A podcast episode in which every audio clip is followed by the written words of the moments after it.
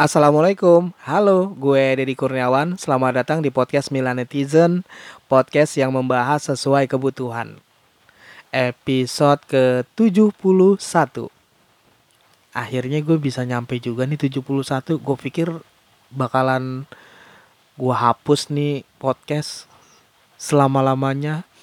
Eh, ternyata semangat itu muncul setelah gue tahu ada prospek bagus nih di Spotify.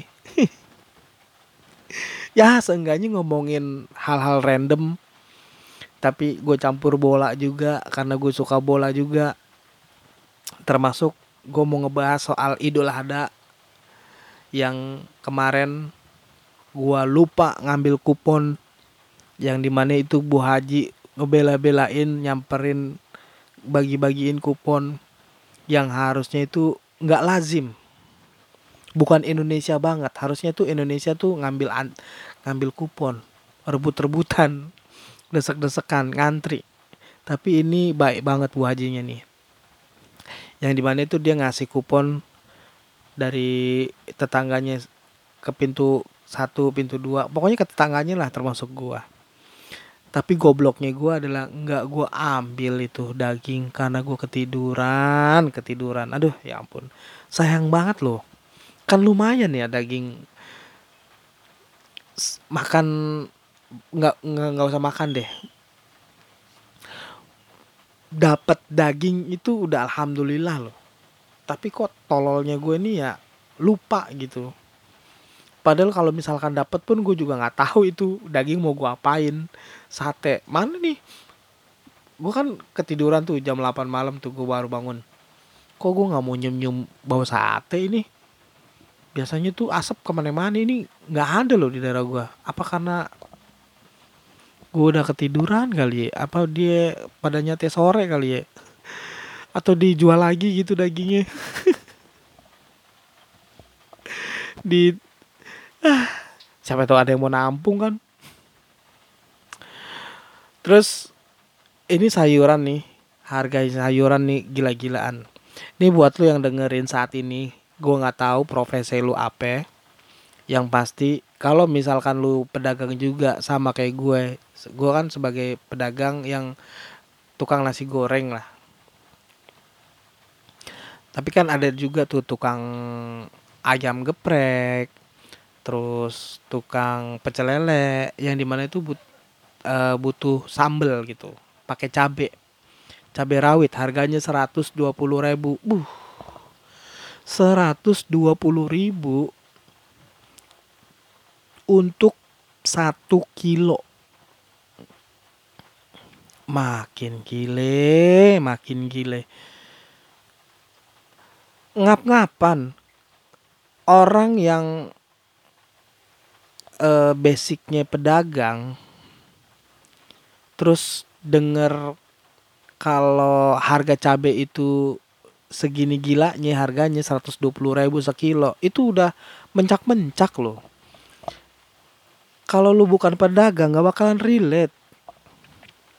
Kecuali emang kecuali lu emang uh, bini lu mungkin atau lu cewek yang saat ini dengerin tapi yang dengerin podcast gue tuh dari 100 orang dikit banget ceweknya. Ya tapi seenggaknya adalah yang dengerin cewek. Itu pasti udah aduh gila. Gue pernah gue pernah ngomong dapat goceng eh beli goceng itu dapat 10 biji tapi ngoceh-ngoceh gitu. Di episode berapa ya? kemarin apa 69 gitu. Gila sih itu. Gue gak nyangka banget bisa harganya segila ini 120 ribu. Jadi jadi inget waktu gue beli bawang bombay aja harganya 120 ribu. Bus bawang bombay yang sekilonya biasanya cuma 20 ribu mentok-mentok mahalnya 30 ribu ini bisa 130 ribu. Nggak ngerti dah gue apa karena naiknya itu pas di hari-hari raya, hari-hari besar, entah itu Idul Adha Idul Fitri, bahkan Natal atau Agustusan. Ah, gimana sih konsepnya yang punya cabai? Ah apa ya bilangnya? Tengkulak ya? Yang yang yang nampung-nampung gitu bilangnya tengkulak cabai kali ya? Dia kumpulin gitu dari petani cabai itu sekilo misalkan dari petani cabainya itu sekilo cuman lima puluh ribu. Nah tangan keduanya ini ngejual lagi tujuh puluh ribu sekilo. Tangan ketiga seratus ribu. Nah gue nih ke tangan keempat seratus dua puluh ribu. Gitu kali ya satu kilo dua puluh ribu untungnya itu gede banget loh. Bisa-bisanya. Heran aja gue. Cara eh ngasih harga itu seenak jidat gitu. Beda kan kalau tukang pedagang pedagang-pedagang yang emang udah ngasih price listnya gitu harganya. Udah ada daftar menu sama harganya sekalian gitu. Tuh udah fix tuh kecuali dia rubah lagi harganya dari awal lagi. Tapi kan kalau misalkan uh, ayam geprek mintanya pedes nampol banget harganya lima belas ribu. Aduh nangis itu. Ada ayamnya ada lalapannya ada sambelnya. Pakai nasi lima belas ribu itu pasti bakalan eh nggak nahan. Untungnya dikit banget. Tipis. Bahkan gue rasa tuh kalau bukan uh, resto gede gitu yang ngandelin kualitas bukan kuantitas ya kuantiti gitu wah bingung juga ya. Masa ya? Soalnya aneh gitu kalau misalkan nih eh, pinggir jalan dah. Nasi goreng pinggir ja pinggir jalan geprek ayam geprek pinggir jalan terus pecel lele pinggir jalan. Pecel lele kalau dibikin resto gitu lucu kali ya. Aneh malah kalau kata gue enakan di pinggir jalan gitu di pasar gitu dekat pasar. Pokoknya eh, tempat strategis yang di mana orang lalu lalang gitu gede juga itu 120 ribu. Ya mudah-mudahan setelah podcast ini udah naik hari Minggu atau hari Senin udah normal lagi lah. Ya nggak usah nggak usah harganya 120 ribu juga kali. 80 ribu juga gue beli dah tuh sekilo. Kacau. Dah gue mau ngebahas bola nih. Gue rada gergetan juga nih. Bahas bola nih yang kemarin lagi rame nih soal banter-banteran bola nih ceng-cengan bola. Perkara ceng-cengan doang nggak ada habis-habisnya nggak kelar-kelar. Kalau kelar juga pasti habis kontennya ya kan? Apalagi akun-akun bola. Ya udah. Kau mendang mending nih. Di mana dulu gue juga pernah ngalamin kau mendang mending. Tapi semakin ke sini usia gue bertambah gitu jadi udahlah. Mendingan lu ketawain aja argumen mereka di media sosial. Anggap aja lu orang yang nggak paham. Bukan berarti eh cuek gitu. Kepo juga sih gue pasti pengen tahu. Entah itu entah itu luar negeri atau dalam negeri tapi gue lebih fokus ke luar negeri. Karena ke dalam negeri bener-bener gue nggak tahu nggak paham banget gitu apalagi liganya gitu. Gue Indo, e, negaranya aja deh Indonesia. Tapi kalau di, di luar negeri aduh. Ceng-cengan soal mendang mending ini ngeba ceng uh, ngebanter ngasih ngasih masalah skudet AC Milan masalah AC Milan Scudetto yang ke-19 aja tuh kaum mendang mending ini selalu muncul nih. Ada di mendang mendingin cuman beda satu poin aja berbelit-belit sampai kayak mau baku hantam loh. Coba lu bayangin. Kalau orang yang nggak yang nggak relate, yang bukan ultras atau hooligan banget gitu tuh, tuh biasa aja gitu. Nanggepinnya, ya udah cuman sekedar ngetik asal cuman ngecengin sekali dua kali doang.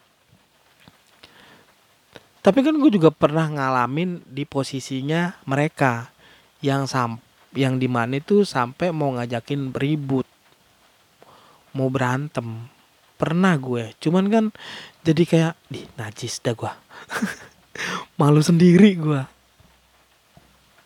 gue jadi inget sama omongan orang yang bilang lu boleh benci sama timnya tapi bukan orangnya siapa tahu orangnya itu bakalan jadi rekan kerja lu gitu misalkan atau rekan bisnis lu gitu. Duh. Alhamdulillahnya tuh dalam keluarga gue tuh nggak ada tuh yang suka sama Inter. Itu aja udah alhamdulillah. Seenggaknya jangan sampai waktu gue mudanya tuh udah ceng-cengan duluan gitu entah itu sama abang gua entah itu sama sepupu gua entah itu sama kalau sama temen yang beda klub gitu ya nggak apa-apa nggak masalah apalagi di usia nggak usah mikirin nggak usia atau umur tuh nggak jadi patokan ya yang yang nggak nggak jadi tolak ukur untuk ya udah biasa aja lah santai lah. Cuman berargumen debat biasa aja udah selesai di situ aja ngebahas itu aja tapi ini malah ke mana mana gitu. Sampai ributin inilah itulah. Rivalitas itu pasti selalu ada kalau nggak rivalitas nggak ceng-cengan apalagi ribut. Uh. kayaknya gue menghin gue tipikal orang yang menghindari itu deh kayaknya sekarang. Daripada gue harus um, baku pukul gitu. Jadi inget waktu momen uh, final Liga Champion Juve lawan Madrid kalau nggak salah ya. Koreksi kalau gue nggak salah. Juve lawan Madrid di final Liga Champion di Jakarta tuh nobar di Gor Ortista ini juga waktu itu sempat rame kan yang lempar-lemparan bangku gitu ada yang bawa parang Uh gila ngeri bener. Kita aja nih, gue nih, gue sebagai Milanisti yang lihat cuman dari media apa uh, video di YouTube, di Facebook, TikTok waktu itu kayaknya nggak ada deh. itu parah banget bro.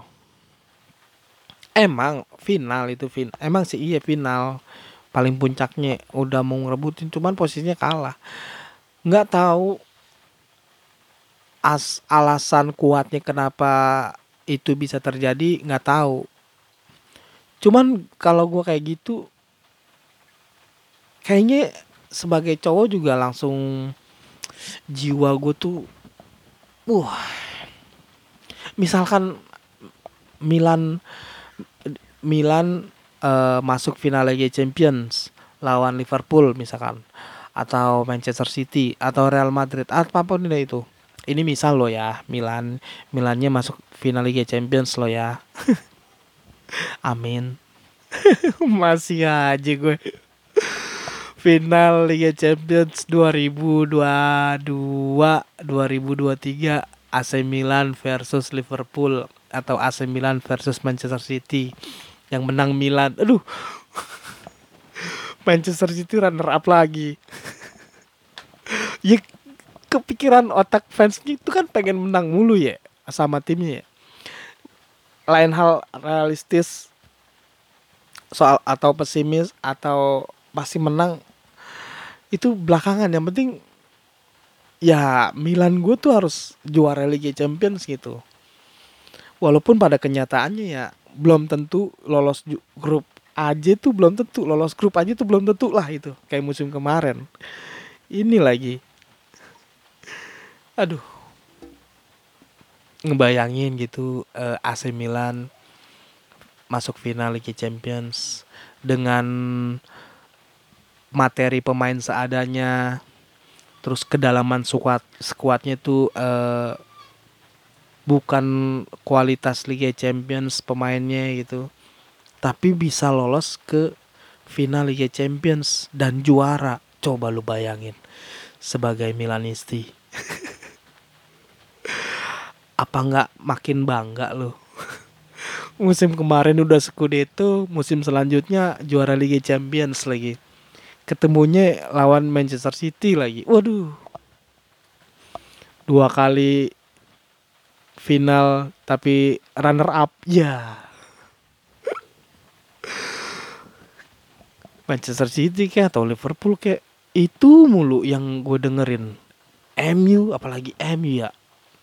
MU uh, pelatihnya udah baru, Erik Ten Hag. Terus dengan polanya dia yang dari Belanda dibawa ke Inggris dengan kekuatannya dia dirombak abis. Bahkan katanya gue dengar kabar Ronaldo kalau misalkan aneh-aneh kelakuannya udah bakalan cabut aja mendingan. Gue nggak butuh lo gue butuh pemain yang bener-bener real cinta banget dengan MU tapi MU Ronaldo kurang MU apa coba ya? Permasalahannya tuh di mana ya? Kalau bukan MU banget dengerin orang ngobrol di podcast atau di YouTube soal MU sebenarnya seru. Bahkan itu yang paling tertinggi di antara lainnya gitu. Entah itu MU kalah, entah itu MU menang. Kalau ngebahas kontennya tuh ngebahas tentang MU tuh pasti naik ke permukaan. Permasalahannya nggak semua orang tuh suka MU walaupun suka cuman sekedarnya sama gitu kayak kayak orang-orang pada umumnya. Cuman suka bola udah. Nggak nggak nggak ultras banget nggak nggak hooligan banget nggak biasa aja ya gitu deh. Gue lagi masih ngebayangin nih. AC Milan lolos juara grup terus 16 besar masuk 8 besar lolos lolos ke perempat final masuk ke semifinal terus akhirnya ke final. Mumpung uh, liganya itu belum pada mulai kayaknya gue harus bikin konten deh gue udah lama banget gue udah lama banget nggak bikin konten uh, apa pun tentang all about wih all about apa pun tentang AC Milan. Dulu waktu gue masih aktif-aktifnya tuh lagi masih seneng-senengnya gue bikin pernah bikin konten di YouTube. Ah ntar deh gue gue bikin du gue bikin kontennya modelnya kayak gimana ya hmm, konsepnya kayak apa lah? Paling ya ATM aja lah amati tiru modifikasi lah. Sama kayak kayak orang-orang. Yang penting tuh gue punya konten gitu punya konten ngebahas Milan Milan doang gitu. Nggak yang lain. Ya segelintir aja lah kalau kalau yang lain gitu. Yang penting ada Milannya. Entah itu ada tambahan MU-nya kayak Liverpool, Madrid, Barca, Munchen, Chelsea, Juve, Inter. Sesuai kan udah bilang podcast sesuai kebutuhan. Kebutuhan gue apa? kebutuhan gue yang ngomongin random aja. Ngomongin seminggu terakhir apa, terus yang lagi rame apa. Walaupun rame tapi nggak cocok pembahasannya nggak nggak sesuai sama gue ya nggak usah karena bukan kebutuhan gue kebutuhan gue tuh uh, bola lah. Karena kalau udah bapak-bapak bapak-bapak lagi. Karena udah dari kecil sampai sekarang pun kalau udah suka bola ya udah suka bola aja gitu. Susah untuk yang namanya bilang gue udah nggak suka bola lagi. Kayaknya susah deh. Pasti bilangnya suka gitu. Walaupun nggak sampai 38 match ditonton plus Coppa Italia plus Liga Champions. Itu baru Liga Italia cuma ada kopanya doang. Gimana kalau Liga Inggris? Ada apa tuh? Ada empat turnamen tuh dia. Liga Inggris Liga Champions Carabao Cup terus satu lagi Carling Cup kalau nggak salah ya. Ya pokoknya gitu dah. Bentar gue nyalain rokok dulu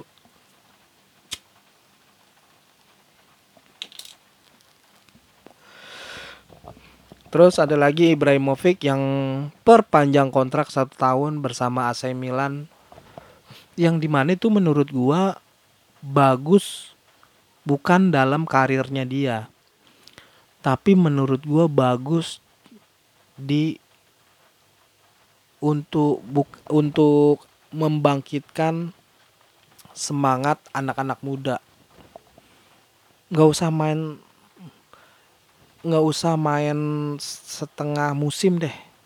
Setengah musim berarti? 18 pertandingan 19 pertandingan. Nggak usah 19 pertandingan deh. Musim kemarin aja cuma 11 pertandingan apa? 17 pertandingan gitu ini gue nggak gue nggak buka aplikasi Footmob nih. Kalau gue buka aplikasi Footmob pasti gue tahu nih. By data nih. Pandit by data begini nih.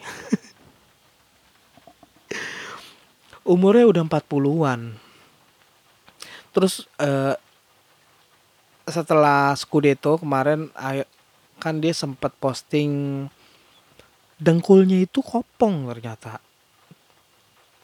Dan lebih parahnya lagi Ibrahimovic waktu main itu dalam kondisi cedera. Dipaksain main. Karena mungkin saking gregetannya kali ya saking pengen main gitu. Ya main 15 menit 10 menit paling lama 30 menit. Ya umur-umur segitu mana sanggup sih main 90 menit plus tambahan waktu gitu? Iya gak sih? Ah gua aja umur 34 aja udah ngap-ngapan loh. Ini lagi yang umur 41 ah napas rokok kali gua. Ibrahimovic perpanjang kontrak satu tahun udah Terus Alessio Romagnoli yang cabut setelah tujuh tahun bareng AC Milan. Sebentar, sebentar. Dek, dek. Sono dulu, dek. Bocah gua. Nonton YouTube di samping gua percis. Alessio Romagnoli bermain selama tujuh tahun bersama AC Milan akhirnya cabut dia ke Lazio. Ini kalau pandangan gue Alessio Romagnoli cabut mungkin setelah dia sembuh nggak dapet kesempatan lagi ya di bawah Pioli yang jadi reguler malah yang bagus itu Tomori sama Kalulu di beberapa match terakhir musim kemarin Tomori sama Kalulu, Kalulu tuh solid banget. Kejair cedera. Gabia naik turun. Cedera juga sih Gabia. Romagnoli juga habis cedera. Pokoknya yang paling stabil ya mereka berdua tuh Kalulu sama Tomori. Tomori eh Tomori Kalulu aslinya bek kanan tapi bisa bek tengah terus tingginya tuh nggak tinggi tiba nggak tinggi tinggi banget sebagai central back gitu.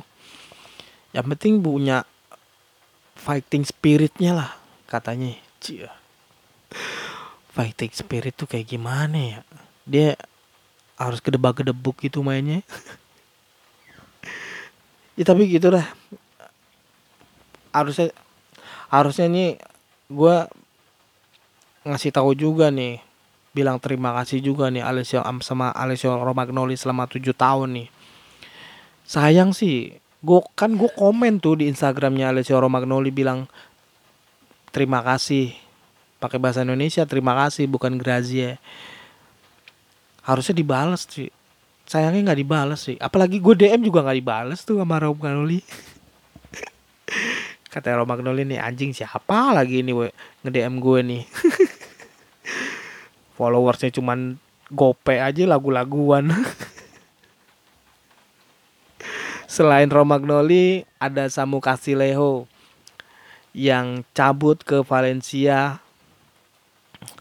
Ini gue nggak tahu ya kenapa sih waktu uh, Casilejo masih di Milan main tuh di sorakin sama Milanisti. Di kan gue sering nobar ya waktu masih nobar-nobar gitu masih zamannya nobar. Kalau awal-awal waktu pelatihnya Gattuso tuh dia jadi pemain reguler lah intinya. Waktu penggantinya jadi penggantinya Suso ini kan? Habis Suso baru ke dia tuh. Sebelum Suso kan ada Gerard Delfu de Gerard Deulefeu ya ya gitu deh. Habis itu ganti ke Suso habis Suso kasih Lejo habis kasih kasih Leho Saile Makers nah Makers juga ini angin-anginan nih mainnya nih. Di masuklah tuh Mesias Mesias nah Mesias juga kan udah dibeli nih sama Milan. Dia uh, selama sampai tahun 2025 yang tadinya nggak bisa dibeli sama Milan akhirnya bisa. Ya walaupun murah kok. Kayaknya murah murah banget ya 4 juta kalau nggak 4 juta apa 5 juta gitu. Pokoknya segitulah. Nggak nyampe 10 juta.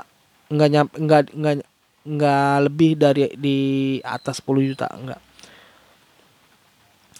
Terus Casilejo itu ke Valencia pas banget kebetulan pelatihnya Valencia sekarang itu Gattuso. Yang di mana Gattuso juga bagus tuh kali Castillejo di bawah pelatihnya Gattuso. Setelah Gattuso udah dah tuh berantakan dah tuh. Abis itu ada Pobega. Nah nih Pobega nih yang pramusim musim kemarin itu bagus tuh dia. Mainnya bagus. Tapi dia kalah saing sama Benacer terus Casey Bakayoko sama Tonali juga baru masuk. Tuh kalah saing dia tuh. Jadi numpuk dah tuh. Uh, gelandang tengahnya AC Milan. Akhirnya sekarang Casey udah cabut Bakayoko udah cabut Benacer angin-anginan tuh Benacer mainnya. Cuman Tonali sama Rade Krunic yang wah gila. Di beberapa terakhir uh, dia mainnya tuh udah jadi Lord namanya. Udah udah bagus bisa bertahan di Milan tanpa pecicilan. Nggak minta naik gaji. Yang penting dia mainnya bagus aja. Apa karena tipikal orang uh, pemain murah kayak gitu kali ya lu lu nggak usah pecicilan deh lu. Pemain murah. Bisa sampai sih lu? Gue kalau jadi kronis juga mendingan iya iya aja gue eh kronis main. Gue juga iya. Kronis nanti lu main di babak kedua di menit 87 ya. Iya coach. Iya gue yang penting gue main di Milan aja. Udah gitu Scudetto lagi Selain Mesias yang dibeli sama Milan, terus ada Florenzi yang dipermanenkan juga tuh sama Milan. Cuman gue gedek sama Florenzi. Gue gedeknya bukan cara permainannya, bukan. Nggak tahu ya. Ini kan uh, haknya masing-masing. Cuman gue gedek aja. Tapi gue sering banget kalau misalkan dia ngeposting, sering gue cengin tuh kok nggak pernah pakai hashtag Forza Milan atau Sempre Milan ngerti ngerti syukur nggak ngerti ya udah sih kalau kata gue. Cuman gue gergetan aja. Setiap, pokoknya gue setiap komen kayak gitu aja. Pernah nge DM juga nggak pernah dilihat sih. Udah berapa kali gue? Dua kali. Nggak pernah pakai hashtag Forza Milan dia Forza Milan kayak Sempre Milan enggak coba deh. Lu lu cek Instagramnya Florenzi deh. Terus yang lagi rame Brahim Diaz. Brahim Diaz ototnya keker banget. terus banyak memesnya tuh kayak Hulk ceritanya dia. Udah kecil keker ya kan lincah. Ya ini mu dikasih kesempatan lagi nih. Kan masih masa peminjamannya kan diperpanjang uh, masih ada setahun lagi apa ya? Atau dua tahun lagi ya dari Madrid ya ya pokoknya sekitar segitu deh nah yang lagi rame Hulk yang ototnya makin makin makin jadi aja gitu Gila sih. Terus rumor transfer. Hakim Ziyech yang belum deal-deal juga nih Milan sama Chelsea nih. Belum, belum. Belum, belum deal. Entah Chelsea-nya nggak mau, apa Ziyech-nya nggak mau. Gue rasa sih bukan Ziyech-nya yang nggak mau. Chelsea-nya tapi karena gue informasinya sedikit soal Ziyeh, ih sedikit banget, gue dadakan banget ini nyari materinya Ziyeh. Uh, jadi cabut ke Milan apa enggak? Sampai-sampai gue nggak yang uh, referensi gue, kalau gue nyari informasi itu diawali dari Twitter dulu. Diawali dari Twitter dulu karena gue follow akun-akun yang uh, sering ngomongin Milannya gitu. Bukan akun anonim ya, bukan. Terus bukan akun bola, bukan akun akun siapa namanya? Videolo apa ya? Ya pokoknya yang sering aduh lupa lagi gue namanya. Masih ada di otak gue nih gue lagi mikirin siapa ya namanya orang Italia itu. Yang sering ngomongin Milan Vietolo apa apa gitu. Gue follow juga di Instagram gue follow di TikTok gue follow gue Twitter gue follow. Tapi kok bisa bisanya gue lupa. Selain Hakim Ziyech Renato Sanchez ini orang ngulur-ngulur mulu nih. Sok-sokan banget nih. Pemain buangan dari Liga Inggris yang satu ini nih. Dari Swansea City terus ke Lil bagus di Lil apa sih? Sampai-sampai mikir panjang loh untuk uh, ke Milan. Mungkin karakter dia di Milan itu dia kan udah ada Tonali udah ada Benacer mungkin ya jadi dia mikir-mikir lagi tapi kan Benacer lagi turun performanya di beberapa match terakhir musim kemarin. Yasen Sal Yasen Adli. Yasen Adli baru masuk nih musim ini. Belum tentu bagus mainnya. Tapi semoga aja bagus gitu. Kan timnya Bordeaux uh, degradasi ya. Kalau nggak salah sih degradasi. Gue nggak gue nggak paham nih. Ini sama Renato Sanchez malah lebih milih ke PSG mungkin karena gajinya gede. Atau apa sih ini orang? Nah kalau kabar Renato Sanchez lebih kenceng daripada Hakim Ziyech di Twitter gue gue Twitter gue nggak punya followers tapi gue follow orang-orang yang sering ngomongin Milan. Apalagi Rosone Rossoneri Freak kalau Rossoneri Freak yang yang gue seneng saat ini ya itu banter-banteran sama anak Inter gitu. Kaum mendang mendingnya itu ada aja anak Inter yang nongol di TL dia itu. Terus ada Daniel Maldini. Gue gue ya gue tuh emang dari awal gak seneng sama Daniel Maldini. Jujur-jujuran aja nih gue gak seneng sama Daniel Maldini. Emang harus cabut dia dari Milan sih gue rasa karena dia faktor ada bapaknya aja tuh. Di jajaran manajemennya Milan. Direktur lagi Paolo Maldini. Yang disegani lagi.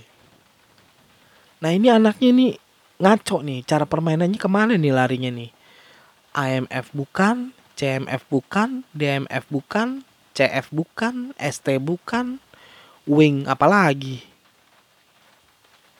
karena masih muda tinggi terus ya ciri-ciri KKN lah.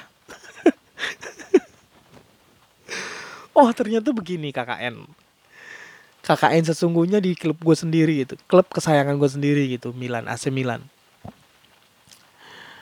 Apa dinasti Maldini tuh udah selesai di dia gitu? Apa gimana sih? Karena nah gue dapat kabar kalau Daniel Maldini itu bakalan dipinjemin ke Hellas Verona yang di mana stereotip kita tuh uh, otak kita tuh ya ini orang-orang yang suka AC Milan zaman dulu itu Cesar Maldini di Milan 100%. Da, terus bapaknya Paolo Maldini 100% di Milan banget. Bahkan di akhir-akhir karirnya itu sempat dibenci sama Ultras CSM. Nah sekarang apa karena Christian Maldini deh anak pertamanya? Tuh nggak tahu tuh ke mana itu larinya itu nggak tahu tuh beritanya. Kalau dicari-cari pun susah. Yang ngerti-ngerti aja tuh yang bener-bener ngulik beritanya Christian Maldini. Sempet bakalan digadang-gadang the next Paulo Maldini dinasti Maldini. Ampas juga jadi sampah di Milan cabut. Mungkin pada saat itu nggak ada Maldini di jajaran tersebut gitu. Kan pada saat itu Maldini udah pensiun dong. Naik tuh Christian Maldini mungkin gagal bersaing dia. Mungkin dulu back kiri ini kayak back kiri. Back kiri siapa sih waktu itu? Mungkin zamannya Kevin Konstan terus eh Taye Taiwo Taye Taiwo tuh?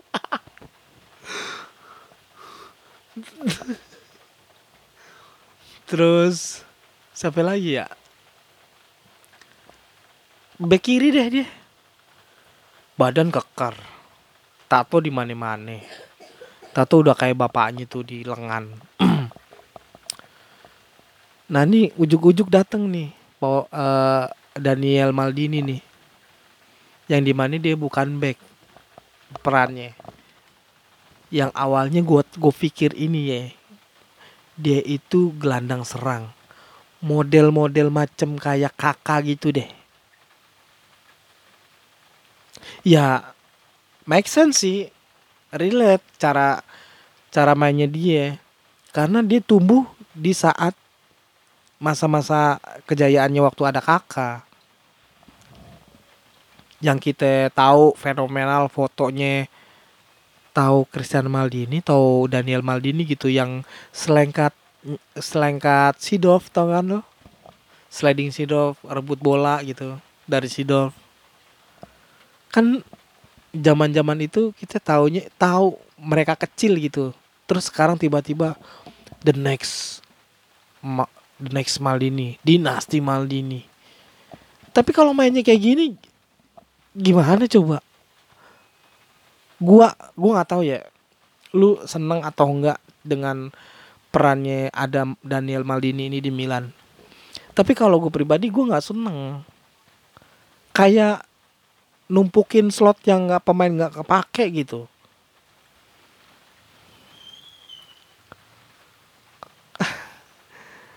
ini otak. Gue bukan pandit. Gue cuman suka bola. Bolanya sepe, uh, gue bu, suka bolanya Milan. Terus gue sering banget nontonnya Milan doang. Sebenarnya nggak Milan doang banyak. Hampir semua gue tonton. Kalau gue sempet nonton bola di akhir pekan di tengah pekan. Pokoknya intinya gue suka bola deh dan gue suka AC Milan.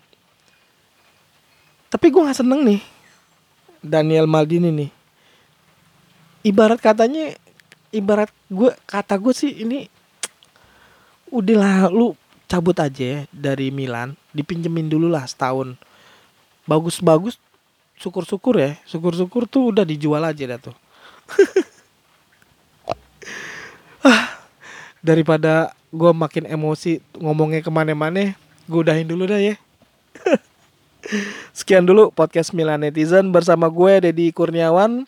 Follow podcast Milan Netizen di Spotify dan Instagram at Milan Netizen. Terima kasih buat lo yang sudah mendengarkan podcast Milan Netizen episode ke-71 akhir kata Assalamualaikum dan jaga kesehatan lo.